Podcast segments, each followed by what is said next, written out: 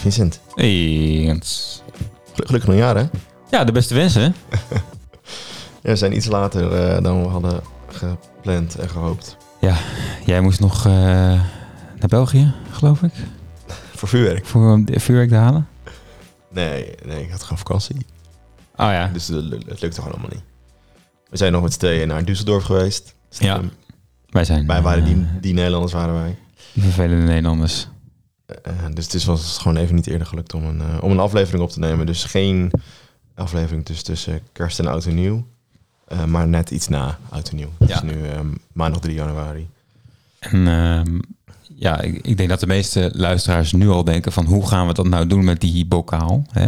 Oh, Ja, We hebben even kort over gehad net. ja. En jij hebt de knoop doorgehakt. Ja. jezelf. Ik hou hem nog een jaar. en dan kijken we, kijken we het even aan. Nee, jij zei net van... eh we tellen deze aflevering nog mee als vorig jaar. Ja, ja. Dus dit gaat er vandaag om. Ja. Of hij gaat naar mij of hij blijft hier staan. Ja. Nou ja, Dus- dus want als, je, als ik dus straks een fout antwoord geef bij de quiz en jij een goed antwoord, dan hebben we dus nog weer een benaderingsvraag. Klopt. Dan moeten we even kijken hoe we dat... Ja, want we zitten met z'n eh, tweeën in de studio vandaag. Dus we gaan even kijken eh, hoe we dat gaan doen. Maar dat komt helemaal goed. Een soort challenge of zo. Via Instagram. Ja, gewoon planken of zo. Langs voluit. Cinnamon challenge. Nee, eh, en we hadden ook gevraagd aan jullie wa- wat jullie dan zouden willen horen voor onderwerp tijdens de uit een nieuwe aflevering. We hebben wel eens een keer een aflevering ge- gehad over de jaren tien. Ja.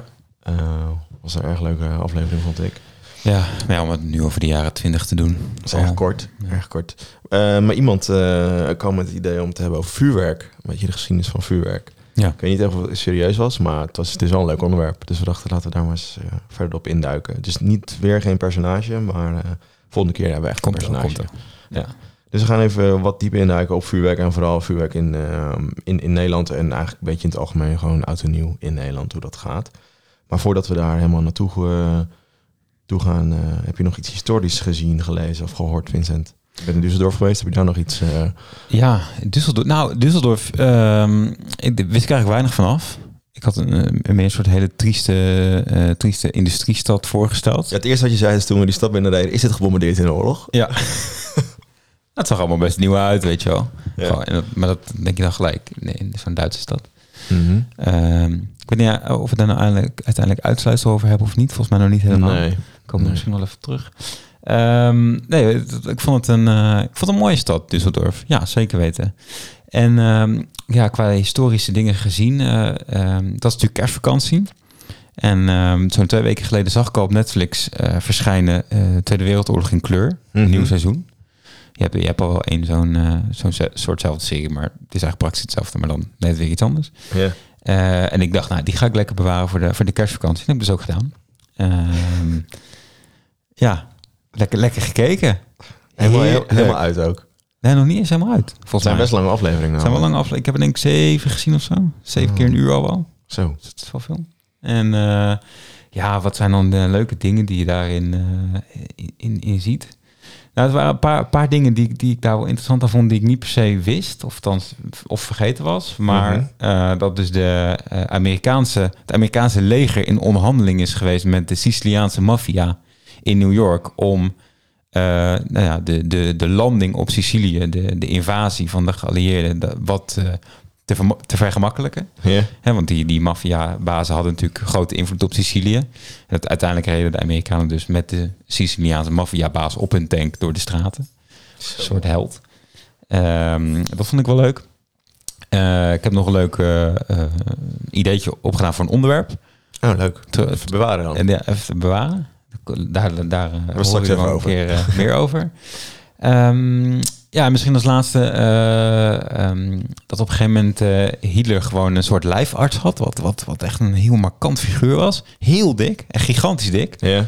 Die hem, eh, die hem gewoon allerlei gekke dingen op een gegeven moment in begon te spuiten. Zoals stieren, sperma en eh, dingen met rattengif. En alleen maar om... Nou ja, hij, hij was dus een hele erg hypochonder, Hitler. Zij dacht ook dat hij van alles had. Eh, maar op een gegeven moment was hij gewoon dik verslaafd aan al die, al die medicijnen. En zat hij constant aan de cocaïne en heroïne en al, al die dingen. Grappig. Ehm, Jij zou ook toch het liefst een eh lijfarts willen? Dat heb je wel eens geroepen. Het, het liefst, ja, ik heb een lijfarts in principe. Ja, ja, dat is waar. Oké, ja. Ehm, heel lang verhaal. maar ehm, ja, dat is eigenlijk eh, een beetje het... eh, is ja, ik weet nog niet hoe het af gaat lopen, dus... eh, De oorlog, nee. nee, dus het liefst geen, geen spoilers. Nee, ik heb ook wel een stuk... st- Ik heb nu twee afleveringen gezien.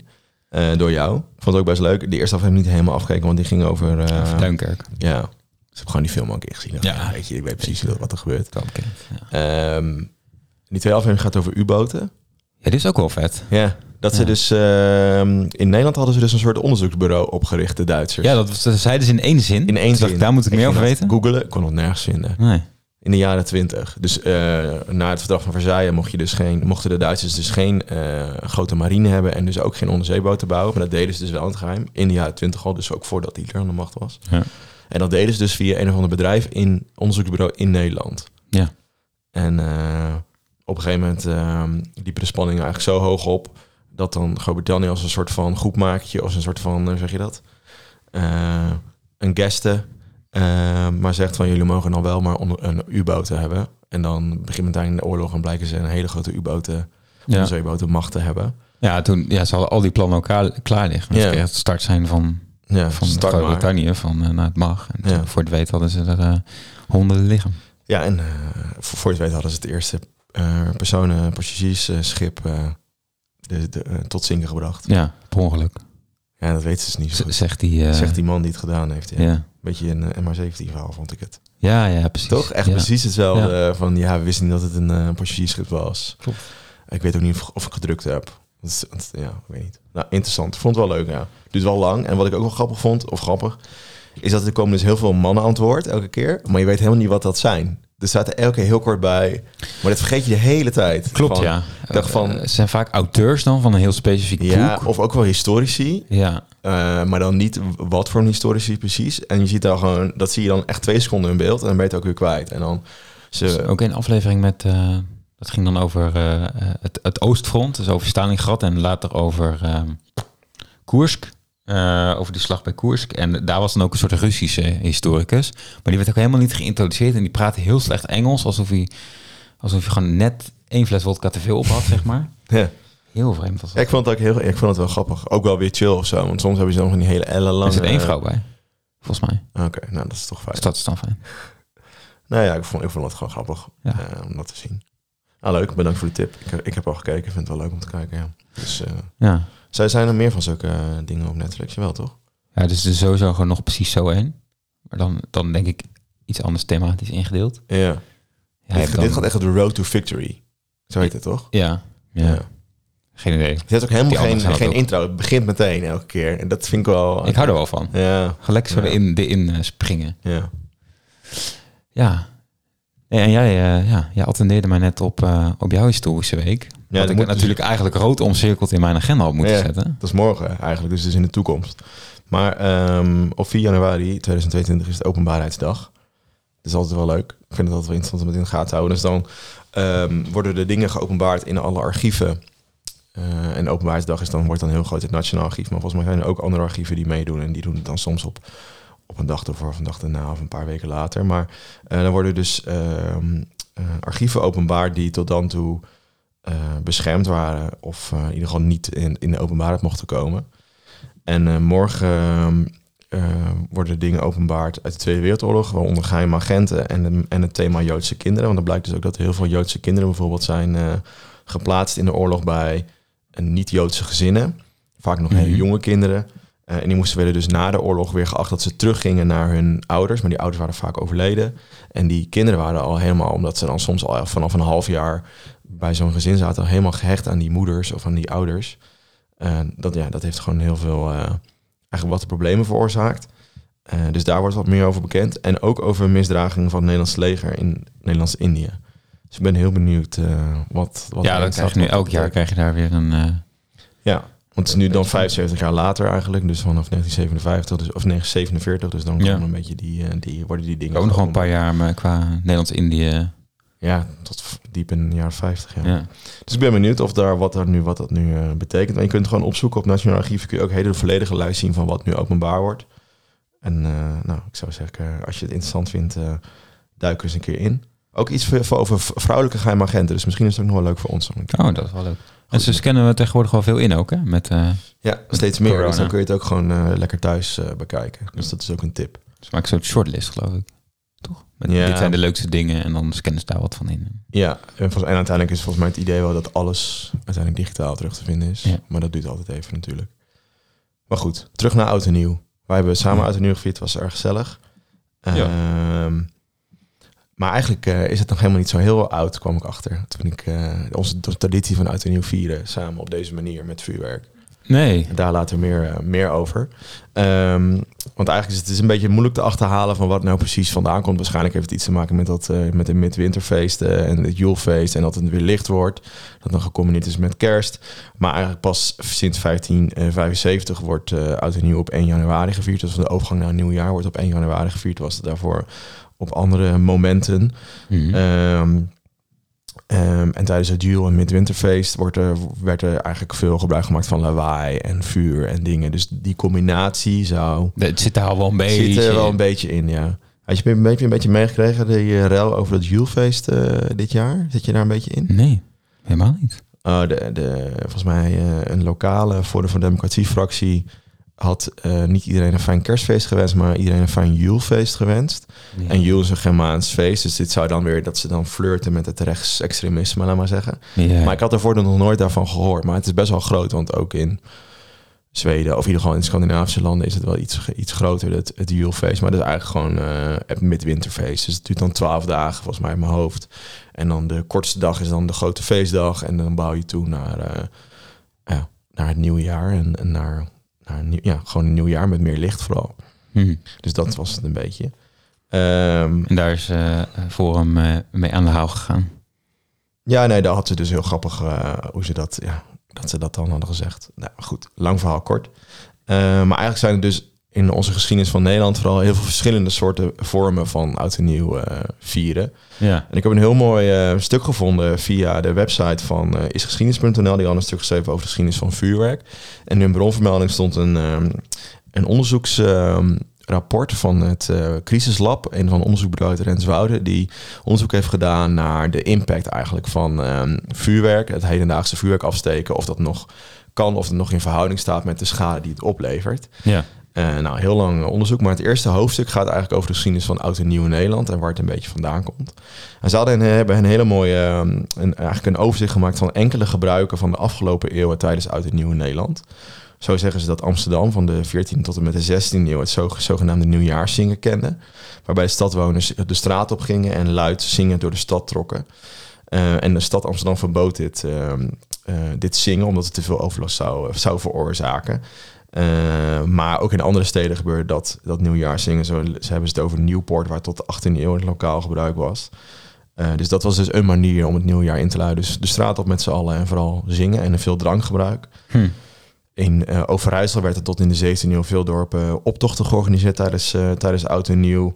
Uh, waar ook heel veel lawaai gemaakt wordt met hoorns, fluitjes, ratels en muziek. Om ook die geesten dan weer te, ver, te verjagen, de boze geesten. Daar komen we later ook op terug, want dat heeft ook iets te maken met vuurwerk natuurlijk. Ja. Um, in verschillende provincies werden, werden vanaf de middeleeuwen nieuwjaarstogen gehouden of nieuwjaarsslepen, waarbij het tot allerlei dingen die los en vast zaten bij elkaar werden gesleept en op werden gestapeld. Als een soort van, uh, geen idee, dat werd gewoon verzameld. En ook nog eens af en toe werd dat dan gestoken. ook uh, ja, in de brand ja. ja. En hier staat dat Brabantse boeren tot aan de Tweede Wereldoorlog massaal een uh, karpietschieten deden. Dat is Oh wel ja. gek, want dat is nu juist in de regio waar wij vandaan komen... en volgens mij meer naar het oosten juist een ding geworden, karpietschieten. Ja, uh, en legaal. En legaal ook daar. Um, en in de jaren 70 en 80, dus van de vorige eeuw, dus dat is niet zo lang geleden... Uh, was er in Den Haag bijvoorbeeld, deden ze heel erg aan kerstbomen rousen. Dat, dat, en dat is ook helemaal, liep vaak helemaal uit de hand. Want er werden overal kerstbomen gejat. En die werden ook opgestapeld in de fik gestoken. En daar was, kwam ook vaak wel wat geweld bij kijken. Dus rivaliserende mm -hmm. kerstboomjaaggroepen. Um, en hier, en eigenlijk gevolg daarvan zijn de vreugdevuren... die je nog steeds wel kent van uh, in Den Haag. Dus dat ja. zijn eigenlijk allerlei vormen van het vieren van Oud en Nieuw Nederland. Um, dus allemaal verschillende, verschillende vormen. En dus eigenlijk de traditie die we nu kennen... En met dat vuurwerk, die, uh, die komt pas later. En dan komen we denk ik op het einde van onze aflevering uh, op terug. Maar nu even terug naar dat vuurwerk. Um, want ja, de oorsprong van vuurwerk is ook eigenlijk een beetje in het ongewisse. Want is het nou Bengaals, is het nou Chinees? En Ja. ik vond twee verhalen daarover. Wat denk jij? Denk je dat het Chinees is of Bengaals? Ja, ik, ik vond het wel grappig, want je, je hoort inderdaad wel eh, vaak Bengaals, Bengaals vuurwerk. Zo ma- vermarkt is het ook wel een beetje. Ja, maar ook Chinees vuurwerk. Maar ook wel, maar ik, mijn eerste, in, in eerste instantie dacht ik wel dat het uit China kwam, eigenlijk. En dat, dat vind ik ook een wat eh, plausibeler verhaal misschien. Maar ja. Nee, ik ging vroeger altijd naar Etraket vuurwerk in Apeldoorn vuurwerk te halen. En dan ko- kocht ik altijd vuurwerk van het merk Asian Budget. Ah. Dus toen dacht ik, ja, dat, het is wel, komt gewoon uit die hoek dan. Ja, da- daar moet je het hebben. Daar moet je het vandaan hebben, absoluut. Ja, ja. Nee, ehm, ik weet niet. Ik las dus heel verschillende dingen over. Ook weer via is, is geschiedenis, maar ook via historiek. Ehm, en eigenlijk zeggen, ze- zijn er dus twee verhalen. Er zijn mensen die, er zijn wetenschappers die denken dat, ehm, dat het vuurwerk ontdekt is in, eh, in, eh, ja, door de Bengalen. Dus eigenlijk de inwoners van het huidige Bangladesh. Ehm, en het belangrijkste ingrediënt van het vuurwerk is namelijk eh, salpeter, kaliumnitraat. En dat werd door de Bengalen ook wel gebruikt als zout. Dus als het tekort was aan zout, werd dat eh, op het eten gedaan of weet ik veel wat. Ja. Ehm, maar als je dat salpeter morst eh, en dat komt in het vuur terecht, dan komt er een vlam en dan komt er een kleine eh, ontploffing. Dus op die manier, dus eigenlijk door een foutje, werd ontdekt hoe, dat, hoe vuurwerk en hoe je makkelijk een ontploffing kon maken. Maar een ander verhaal is eigenlijk, dat is misschien nog, vind ik, plausibel als ik het zo lees. Eh, dan gaan we nog iets verder terug, want voor Christus, de Han-dynastie in China zijn we nu. Is ook hetzelfde, een beetje hetzelfde. Het vuurwerk werd ook per ongeluk uitgevonden. Eh, nou, in China groeit heel veel bamboe. Er werd ook voor allerlei manieren en dingen gebruikt. Ehm, en bamboe, als je dat in vuur legt, dan gaat het heel hard knetteren. En na tijd gaat het zelfs knallen.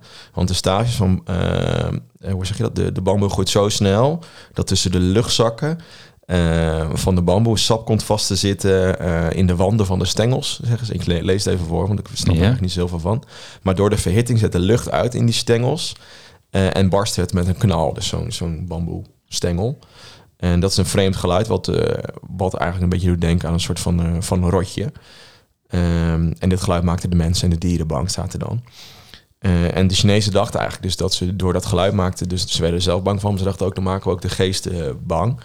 Eh, en op die manier eh, kreeg het eigenlijk een beetje dat idee van we moeten eh, dat gebruiken en we moeten vuurwerk of die bamboe afsteken of verhitten om de geesten te verjagen. Ja.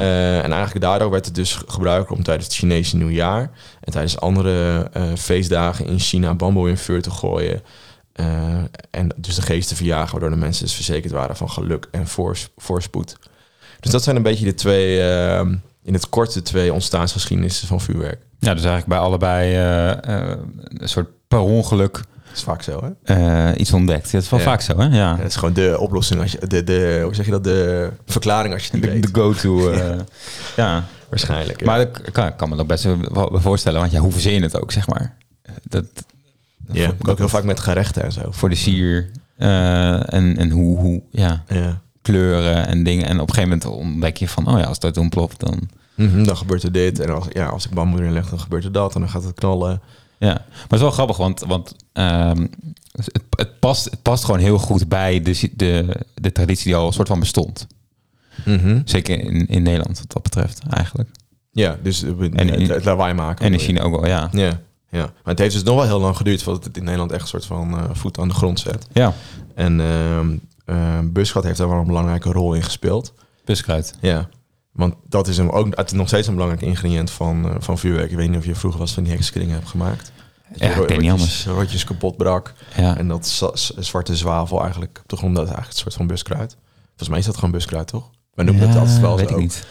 Maar goed. ehm, en, en dit is eigenlijk al, want buskruid komt ook uit China. Ehm, ehm, en dat was inderdaad wordt vooral gebruikt voor, voor militairen om dingen af te steken. Ehm, en eh, vanuit eigenlijk pas vanaf de 15e, 16e kwam het in Europa terecht, waarschijnlijk via de, via de Arabieren. Ehm, en dat heeft wel een belangrijke rol gehad in, in het vuurwerk. En nou, denk bijvoorbeeld, uh, nou, buskruid is erg uh, ontplofbaar. Denk, we hebben het twee afleveringen geleden over de Lodewijk Napoleon gehad. En die buskruidramp in Leiden. Uh, nou, die hele, die, de, een hele boot met buskruid ontplofte. En uh, ik weet niet hoeveel mensen gingen daar dood. En het was zelfs zo erg dat de koning daar op bezoek ging om te kijken hoe erg uh, het was. En dat was een belangrijke stap in het charisma of in het aanzien van koning Lodewijk Napoleon. Ja. Luister daarvoor nog eens maar onze... Lodewijk de Goede, zo, kwam je daar aan die naam. vorige afle of de vorige aflevering, twee afleveringen geleden. Nee, maar buskruid was, werd wel een belangrijke ingrediënt. En wat ik dus grappig vond, is eigenlijk die stap van buskruid naar, naar vuurwerk in Europa. En dat heeft... Ik las wat dingetjes over de...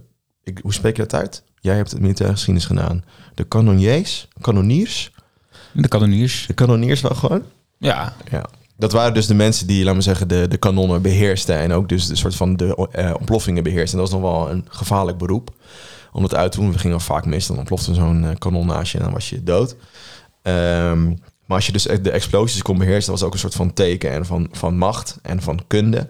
Ja. Eh, en om te laten zien dat je dat heel goed kon, organiseerden sommige eh kanoniers vuurwerkshows om hun eigen vakman, vakmanschap te demonstreren.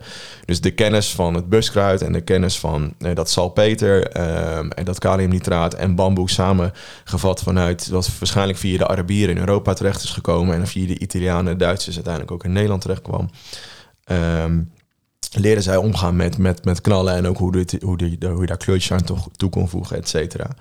Ehm, dus zij voegden dan eh, aan het buskruidmengsel allerlei stoffen toe om kleur te vormen, vorm- eh, te vormen en creëren zo eh, hele spectaculaire bijeenkomsten. En wat je dan leest is heel vaak dat het dan bijvoorbeeld ge- gekoppeld was aan een soort ehm, kasteel of zo. Weet je? Dan kwam uit een kasteel kwam, eh, kwamen knallen. Dus niet zoals we het nu kennen uit vuurpijlen of uit potten, maar er werd een soort van hele theatervoorstelling eh, van gemaakt. Ja. En ik heb al wat, wat foto's, of eigenlijk niet wat foto's, wat afbeeldingen gevonden ehm, in het Rijksmuseum. Misschien kunnen we die delen op onze social media. Ehm, maar als je dus eh, opzoekt het geschiedenis van vuurwerk, zijn er eigenlijk een soort van eh, drie grote of twee grote evenementen in de Nederlandse geschiedenis waar vuurwerk werd gebruikt. En dat was vooral eh, bij de kroning van Willem III. En, eh, nou, de- dat was wel in Londen dan, maar goed. Mhm. Ehm, was wel een Nederlandse koning. Ehm, en ehm, bij de, de, hoe heet dat, de vrede van Utrecht. En bij die eerste zie je gewoon, eh, ik weet niet, heb je die afbeelding toevallig nu voor je? Van de kroning van Willem III? Ja. Ja, dat is eigenlijk hoe we het nu ook een beetje kennen. Dus heel veel dingen de lucht in, heel veel rook. Eh, en ik denk dat het normaal, normaliter allemaal, allemaal kleuren zouden zijn. En die werden voornamelijk afgeschoten van boten. Ja. En als je dan naar die, ehm, eh, die andere gaat, dus de vrede van, eh, van Utrecht, dat is in 1713, zie je, zie je eigenlijk wat ik net bedoelde. Je ziet daar al een soort van eh, kasteelachtige e- etalage gebouwd en daarop knallen al die soort van potjes staan erop op elke, hoe noem je dit? Ja, elke poort. Ja, Ja. Zou je dat omschrijven? En zo ontploft dat. Dus dat is wel grappig. Dus, maar dat waren dus de, de kanoniers, dus de mannen die eigenlijk in vredestijd niet zoveel te doen hadden. Want er was er geen oorlog. Dus gingen ze maar hun kennis en kunnen laten zien door, ehm, ja, door, door een soort van vuurwerk eh, te maken. Ehm, en je ziet dan ook dat bijvoorbeeld de katholieke kerk daar een heel belangrijke rol in gespeeld. Die maakte daar vaak gebruik van bij chri- christelijke feesten, et cetera. En zo werd het dus vanaf de vroege middeleeuwen, dus door de in- intrede van, ehm van buskruid, steeds normaler in Europa om, eh, om vooral bij een afsluiting van een feestelijk iets vuurwerk af te steken. Ja. Ehm, dus dat, zo is het eigenlijk een beetje in eh, ja, eigenlijk de vuurwerk in Nederland of in Europa terechtgekomen. Maar het heeft nog wel heel lang geduurd voordat het uiteindelijk eh, ja, vuurwerk is zoals nu. Maar misschien, ja, eh, dat het echt onderdeel werd van, de, van onze oudejaarstraditie. ja, maar we daar misschien straks naartoe? Ik denk dat het tijd is voor de quiz. Voor jouw spannend moment. Ik, eh, je bent al hele tijd zenuwachtig aan het Ja, kijken. ik, ik, ik, ik hou niet meer, joh. Echt. Die, die beker die is, die is me zo dierbaar geworden. Ja, Ik, ik, ik drink elke, elke dag drink ik mijn koffie eruit. dat is wel knap. Hm? Kan je dat dekseltje eraf halen dan? Ja, ja. Nou, laten we snel maar naar, de quiz toe gaan.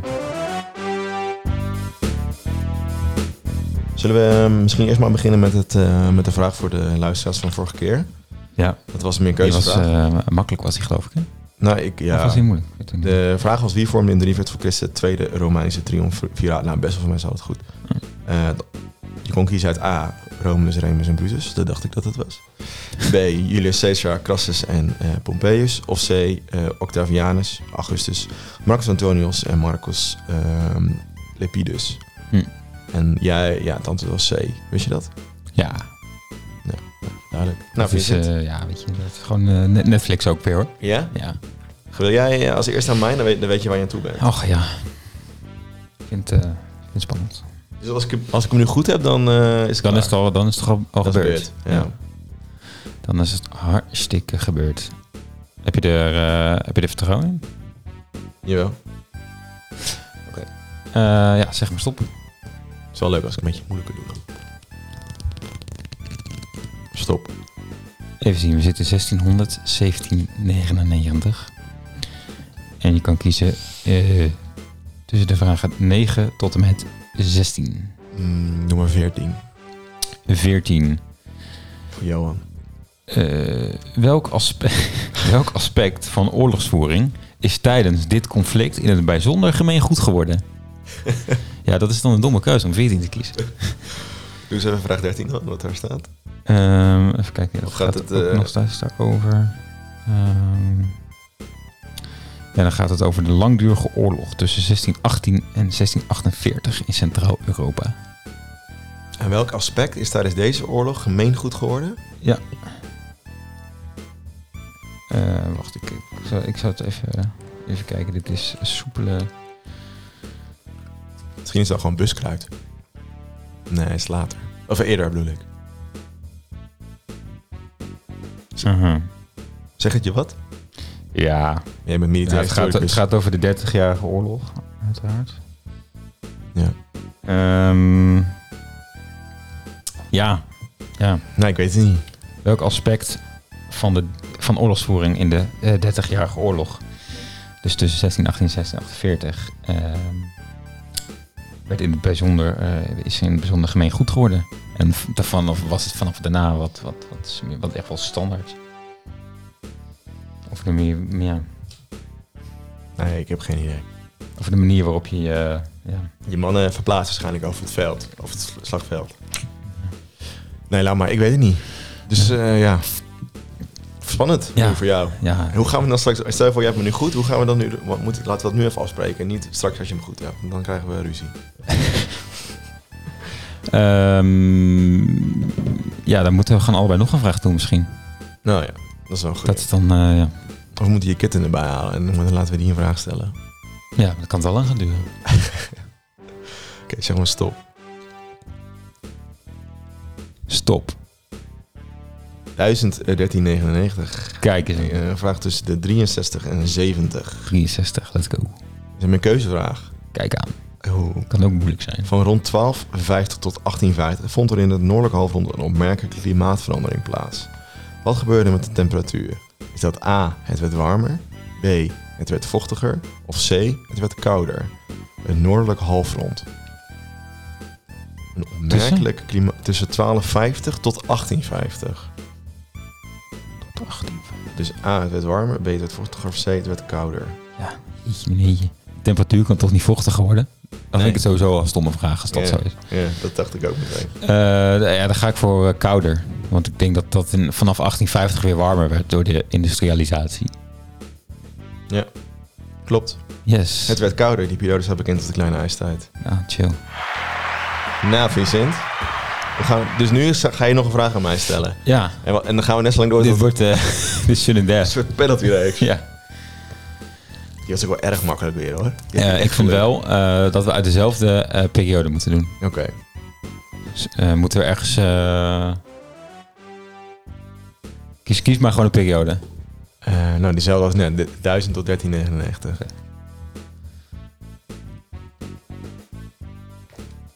Eh 35 tot 40. Eh 40. Waar of niet waar? Nou. Nadat hij koning was geworden, heeft Richard Leeuwenhard slechts één jaar in Engeland doorgebracht. Het zal wel waar zijn. Hoe ga je, want je gaat dus nu de antwoorden bekijken. Hè? Hoe ga je dat dan hoe, dan... hoe gaan we dat straks doen dan? Want dan heb jij de antwoorden al gezien. Snap je? Als het dezelfde periode is. Oh ja, dat is inderdaad wel waar. Ehm Stel, die- stel, stel ja, dan is mijn vraag. Oh maar ja, ja, ja, ja. ja. Het is echt on the spot eh, wordt hier alles bepaald hoor. leuk, dat is leuk. Gewoon Ik improviseren. denk, ik denk ook wel dat het waar is eigenlijk. Ja. Gewoon met kruistochten of zo. Ehm, even kijken. Wil je hetzelfde rijtje dan? 35 tot en met 39 dan? Eh, Of eentje verder. Doen we Doe maar 41 tot en met 49. Eh, 46. 46. Welke Italiaanse maritieme stadstaat profiteerde enorm van het plunderen van deze stad? En deze stad is ehm, in... Ja. Dat moet ik ook even opzoeken, maar dat is de vorige vraag. Echt Je, luistert naar een nieuwe aflevering van 2 voor 12. Ja. Zoek even op. Ik zoek hem even op. Ehm.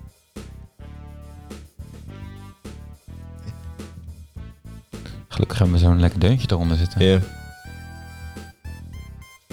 Ehm, Oké. Welke Italiaanse maritieme stadstad profiteert enorm van de plunderen van Constantinopel? Oh. Ik denk dat ik hem weet. Ja, ik zou, ik zou zeggen Venetië. Dan. Als je het hebt over een Italiaanse maritieme stad. Ja, klopt. Ja. Het was niet waar, maar dus jij hebt gewonnen. Get verdefje. Verdorie zeg. Ach ja, weet je, ik, wil, eh, ik, ik had al wat voorbereid. Ehm, ik ga mijn ouders bedanken. Ehm, ja, Echt getsie. Ik zet de hele tijd voor en dan gaan we het zo... In dit, ja. ja, Eh, moet ik ook nog uitleggen waarom het dan niet waar was? Heb je daar nog zin in? is dan anderhalf jaar of zo. Ja, Dan kopen we een nieuw boek. Ja, dat, nou, dat gaan we sowieso doen. Ehm hoe kan ik het niet snel vinden? Hoe was het nou? 49, Oh, ik veer- zit nummer verkeerde- 40. Ik zit, sorry, ik zit in het verkeerde hoofdstuk. Eigenlijk moeten we iemand... Is ook een makkelijke vraag, moet ik zeggen. Ja. Ik zat eerst nog te twijfelen, misschien is het wel Genoa of zo, weet je wel. Ja, ja, kan. Eh, niet waar, hij bracht ongeveer zes maanden in het land door. In plaats van een jaar. ja. Ja, echt een instinker. Nou, voor mij mag je nu de aflevering afmaken. Ik ga niks meer zeggen. nee, gefeliciteerd. Hoef ik me ook niet mee naar huis te nemen op de fiets, zo weet je. Is ook makkelijk. Het is, het is ook makkelijk, Ja. wel. En eh, joh, als jij hem een keer wil lenen om ah, te laten zien eh, aan ergens, dan mag dat, mensen. dan kan dat gewoon. Is goed. Nou, laten we eh, inderdaad eh, voor onze volgende aflevering een nieuwe, eh, een nieuwe quiz manier hebben. Ja, Is dat een... Ja, dat gaan we doen. een hele nieuwe quizmanier. Nou, of gewoon een nieuw boek of zo, maar gewoon iets anders. Ik- Ja, dat, dat kan ik wel even. Ik, ik, zag- ik zag laatst wel iets, eh iets nieuws voorbij we hebben komen. het vaak over gehad, dus. Laten we teruggaan naar vuurwerk. Ja, Daar gaan we nu ook vuur voor jou moeten afsteken. Een fonteintje, zo'n kleine... gewoon hier binnen. Ja, Ja, gewoon kat één vuurwerk. Ik had één. Je zo heet dat, categorie Hmm. 1 vuurwerk. Oh, ik dacht. eh, Ehm, nee, want ik, want ik was dus bezig met, met, met dat onderzoek, of het onderzoek, een beetje aan het googelen over vuurwerk. En ik dacht toen op een gegeven moment vuurwerk tijdens de Tweede Wereldoorlog. ja, Hoe zat toen dat? had je nog vuurwerk. Ja, was Maar ook weer niet. Nee, pie- mensen pieken er niet over om vuurwerk af te steken. dat las je dan. Dat is al wat anders dan een hoofd. Ja, Ja, maar echt. en terecht. Dat, dat stond er echt, ja. Eh, en ik zei net al in dat onderzoekje van ehm, eh, dat crisislab werd wel gezegd van tot, tot aan de Tweede Wereldoorlog werd er in, eh, Noor- in Noord-Brabant door Brabantse boeren karbiet geschoten. Ja. Ehm, maar ja, er werd gewoon heel weinig gebruik gemaakt van vuurwerk. Was, het was dus nog geen gemeengoed in die tijd. Je leest dan wel dat er wel bijvoorbeeld eh, wa- waren wel eh, in, de, in de jaren voor de Tweede Wereldoorlog eh, knallen te horen. Of er werd met een, vuur, met, een, met een vuurwapen geschoten in de lucht, weet je wel, dat soort dingen. Mhm. Maar het zat hem dus echt meer in lawaai maken via allerlei manieren. Ratels, hoorns, blazen, zingen dus. dingen in de fik steken en niet zozeer het vuurwerk. Mhm. En je leest dan ook dat in de eerste jaren na de oorlog ook weinig gebruik gemaakt werd van, dat, van de knaleffecten. En eigenlijk pas rond 1965 kwamen de rotjes, eh, de zevenknappers, de vuurpijlen, de keukenmeiden, de BBP'tjes, et cetera, in, eh, in trek. En vanaf Hmm. de jaren 70 was het echt een soort van... Die kwamen, toen, die kwamen toen ook overwaaien uit, Ja, uit eh, Nederlands-Indië. uit Nederlands-Indië. Ja, dus de mensen die in, in Nederlands-Indië hadden gewoond, die gingen zich, of oud-Indië-gangers, of de mensen die daar woonden, met, met een Nederlands onder- achtergrond, die, die, ja, die kenden die traditie van vuurwerk afsteken in Azië. Bij, bij het nieuwjaar namen dat mee naar, eh, naar Nederland. En eh, heel veel van die oud-Indië-gangers gingen zich vestigen in Den Haag. Dus eh, daar gebeurde het vooral eerst. Dat was een beetje het epicentrum van vuurwerk afsteken. Mhm. En zo... eh, Ja, want ik, ik vond het wel, eh, ik, ik las dat en ik vond het wel opvallend, om- omdat je, ehm, zeg maar, hoe, hoe zijn die andere landen dan bij het vuurwerk gekomen? Dat vroeg ik me eigenlijk voornamelijk Ja. af. Zeg maar, als, als wij het uit, uit Nederlands-Indië Ja. kennen, kennen andere Europese landen het dan meer uit Nederland of, of ook uit, uit een soortzelfde route of zo? Dat, ja. Ja, nou ja, ik, ik kon het niet echt vinden. Ik had nog wel opgezocht van ehm, dat bijvoorbeeld eh, in Frankrijk is best wel een vuurwerkland op de een of andere manier, maar ook dus weer niet, want die steken dus niet zo heel veel vuurwerk af met oud en nieuw, maar eigenlijk alleen maar met de feestdag, dus 14 Juliet. ja. En tijdens de oud en nieuw gaan ze gewoon heel lang eten, lees je dan, en dan om 12 uur zeggen ze ah, beste wensen en dan gaan ze verder eten. Ja, want dat, want dat stond ook in datzelfde onderzoek, hè, dat, dat Nederland echt ten opzichte van de andere Europese landen echt een fanatiek vuurwerkland is. Ja, Ja. Het is, Er wordt nergens zoveel geld uitgegeven per hoofd van de bevolking als hier Nee, eh, grappig in, vind ik in toch- Nederland. vind toch vreemd. Ja, waar komt dat Wat vandaan? zegt dat hè? over je... Ja. Over je achtergrond, ja. ja. En je ziet ook wel dat het dus steeds ehm, erger wordt in Nederland. Of erger, maar gewoon steeds uitgebreider. Ja. Eh, want je ziet ook dan in de, in de jaren 70 en 80... eh, in de jaren 80 had je bijvoorbeeld dus wel dat, dat kerstbomen rausen... En, en relletjes op straat en zo. Eh, maar je leest bijvoorbeeld in de kranten dat het vuurwerk echt maar 10 minuten duurde. Tussen 12 en 10 over 12. En daarna ging iedereen, laten we zeggen, verder met naar binnen en daar feesten. En meer, er, was, er was meer overlast van, van dronken mensen dan van vuurwerk. En dat is Ja, nu ja. toch wel echt anders. Nu gaat het eigenlijk is het al drie dagen van tevoren, nou een week van tevoren eh, hoor je het al. En dan gaat het ook nog een week of een, een weken daarna ook nog door, laat maar zeggen. Dus dat is echt wel Ja. anders. Ehm, en bijvoorbeeld eh, wat je dus ook ziet, eh, in, in Zwitserland mag je bijvoorbeeld mag iedereen ook professioneel vuurwerk afsteken, alle 18-plussers, maar daar gebeurt het ook alleen maar op een, op een, op een hoe noem je dat? Feestdag. Ik weet Ja. even niet meer welke, ergens in augustus is dat. Eh, en zo zie je dus wel meer landen die het echt verbonden aan, verbinden aan een feestdag. En dat het dan wel meer, hoe zeg je dat? Gehandhaafd lijkt te worden dan, dan hier waar het echt verbonden wordt aan oud en nieuw. is wel grappig hè, hoe dat dan werkt. ja. Ik heb daar geen verklaring voor verder. Nee, en, en ehm, ik, ik, ik zag toevallig eh gisteren of eergisteren een, een kaartje van de lu- luchtvervuiling in Europa Mhm. op, op oudjaarsavond. Ja. Eh, en dan met de cynische teksten onder van, of sarcastische tekst van... eh, eh, raad is in welk land vuurwerk verboden was om af te steken. En je zag gewoon Nederland echt helemaal op laaien Ja. op, op dat kaartje. Dat was wel grappig. Er sprongen echt, echt ruim bovenuit, boven alle andere. Boven België, Duitsland, Ja. Frankrijk. Het echt, ja, gek hè? ja. Maar ik weet niet wat het is. Nee, je kunt ook nergens echt een verklaring voor vinden. Jij ziet wel, laat me zeggen, dat eh, door de groeiende welvaart en door de globalisering, dus het vuurwerk, wordt, Chi- eh, het meeste vuurwerk wordt gewoon in China gemaakt nog steeds. Ja. Eh, dus dat wordt ook beter beschikbaar hier in Nederland. En dus doordat we meer geld ver- verdienen, geven we er ook meer geld aan uit. Dus dat gaat soort van mee met onze groei van de welvaart. Ja, En 77 miljoen, hè? De, in 2019, zeg maar. Ja, dus het en- en- laatste jaar dat het... eh, Dat het mocht, ja. En nu, nu kunnen ze het moeilijk inschatten. Want dat schatten Ja. ze dus altijd in. Dan gaan ze dus gewoon eh, heel veel eh, vuurwerkhandelaren bellen. En dan vragen ze Ja. hoeveel heb je verkocht. En op basis daarvan maken ze een soort schatting. Ja, Dus heel lang bleef het een beetje hangen rond de 65 miljoen per jaar. En de laatste jaren, inderdaad voor de coronacrisis, was het dus echt 77 miljoen. ja. Echt heel veel geld. Maar ik, ik denk ook wel, ehm, misschien omdat het zoveel is. Kijk, op een gegeven moment gebeurt het gewoon door bepaalde omstandigheden. En dan wordt het opeens onderdeel van een traditie, denk ik. En dan, dan weet je het steeds beter en meer. En ehm, nu heb je eigenlijk al twee jaar gehad dat je het eh, niet kon of niet mocht. Het gebeurde natuurlijk wel, maar het, het zou maar zo weer eens nu drastisch naar beneden kunnen gaan. Omdat je ook merkt van, nou, we kunnen het ook op een andere manier vieren. Of, maar ja, Maar goed, zou wij, wel heel wij eh, hebben wel vuurwerk afgestoken. Vroeger. Ja. Eh, en de afgelopen twee jaar niet.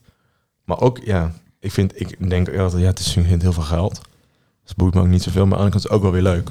Ik zou het echt heel triestig vinden als er geen vuurwerk zou zijn. Nee, nee, nee. Maar ja, Maar is, het- is het is dan een, eh, een, een, een, een, hoe is dat? Een lokale, centrale vuurwerkshow, is dat dan genoeg? Ja, misschien wel. Maar ja, dan heb je wel minder dat, dat hele, die hele traditie die je dus ook al ziet bij die 10 minuten rond 1970. Namelijk Naar buiten. naar buiten, je huis uit met de buren. Dan Ja. gewoon naar binnen of weet ik veel wat. Ja. Dat ben je dan wel kwijt. Ja. Je moet daar dan de hele avond gaan zitten wachten. Moet een goed plekje hebben, sta je te dringen. Ja, maar het kan best gezellig zijn. Maar- Ja, er gewoon meer omheen wordt geregeld. Dus Maar- de, grootste vuurwerkshow is, zijn zo in Londen. En eh, natuurlijk Australië is het allergrootste Ja, van de wereld. Sydney. Eh, ja, dat gaat, dat gaat ook wel goed. En daar, eh, volgens mij is Australië verder vuurwerk echt verboden. Dus ja. Ja, en eh, wat je natuurlijk ziet is dat, eh, wat we zien is... Beste mensen. Ehm, eh, dat, dat het vuurwerkverbod wel echt geholpen heeft, hè? Qua slachtoffers. Slachtoffers, ja. Want in, we zijn, in 2019 waren er zo'n 1285 mensen gewond. Waarvan er 385 eh, uiteindelijk zo zwaar verwond waren dat ze op de, op het, in het ziekenhuis belanden. Dus 385. En eh, vorig jaar, dus de cijfers van dit jaar zijn uiteraard niet bekend, maar eh, waren dat er nog maar 108. Hè? Dus dat is echt Meer met, dan met een factor 3 naar beneden gegaan. Ja. ja. Dat, dat, ja, dat zijn toch cijfers die je eigenlijk niet kan negeren, denk ik. Nee. nee. Ik denk dat het belangrijkste is eh, dat het eigenlijk best wel een jonge traditie is.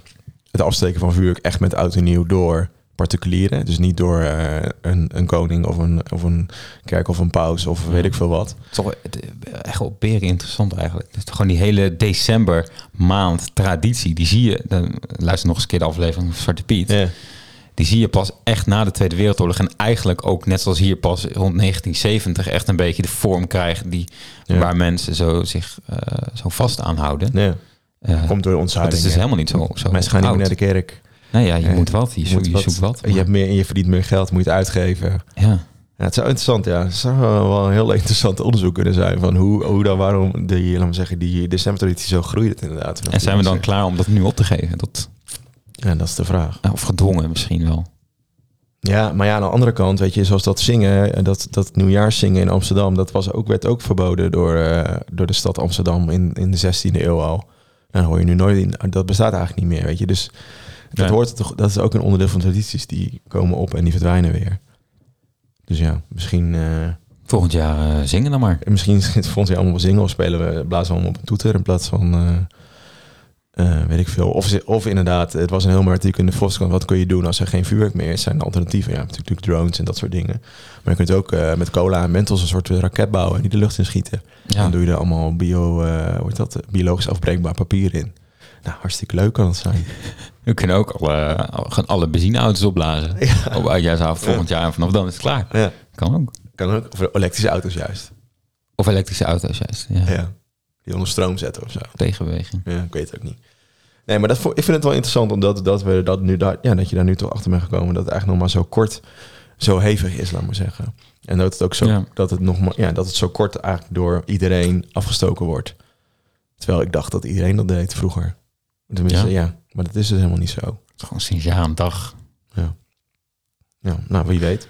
Ja, volgend jaar eh, hopen, hopen op betere tijden dan maar. We gaan het zien. Oké, nou dit was dan eh, de laatste aflevering officieel van eh, 2021. Ook al opgenomen op 3 januari 2022. Vin- Vincent, nogmaals gefeliciteerd met je eh, prijs. Ja, bedankt. bedankt. En Eh, eh, ik weet niet of het helemaal terecht is, maar... eh, nee. nee, maar goed. Ja, Ja, ja. Daar, daar hebben we het nog een keer over. Oeh. Eh, want je hebt nu al twee, jaar op jaar, twee, twee keer op rij gewonnen. Ja, Dus drie keer mag je hem houden, de beker. En dan is het geen wisselbeker meer. alsjeblieft niet. dat is zo lelijk. Staat hier weer weg te rotten. Ja.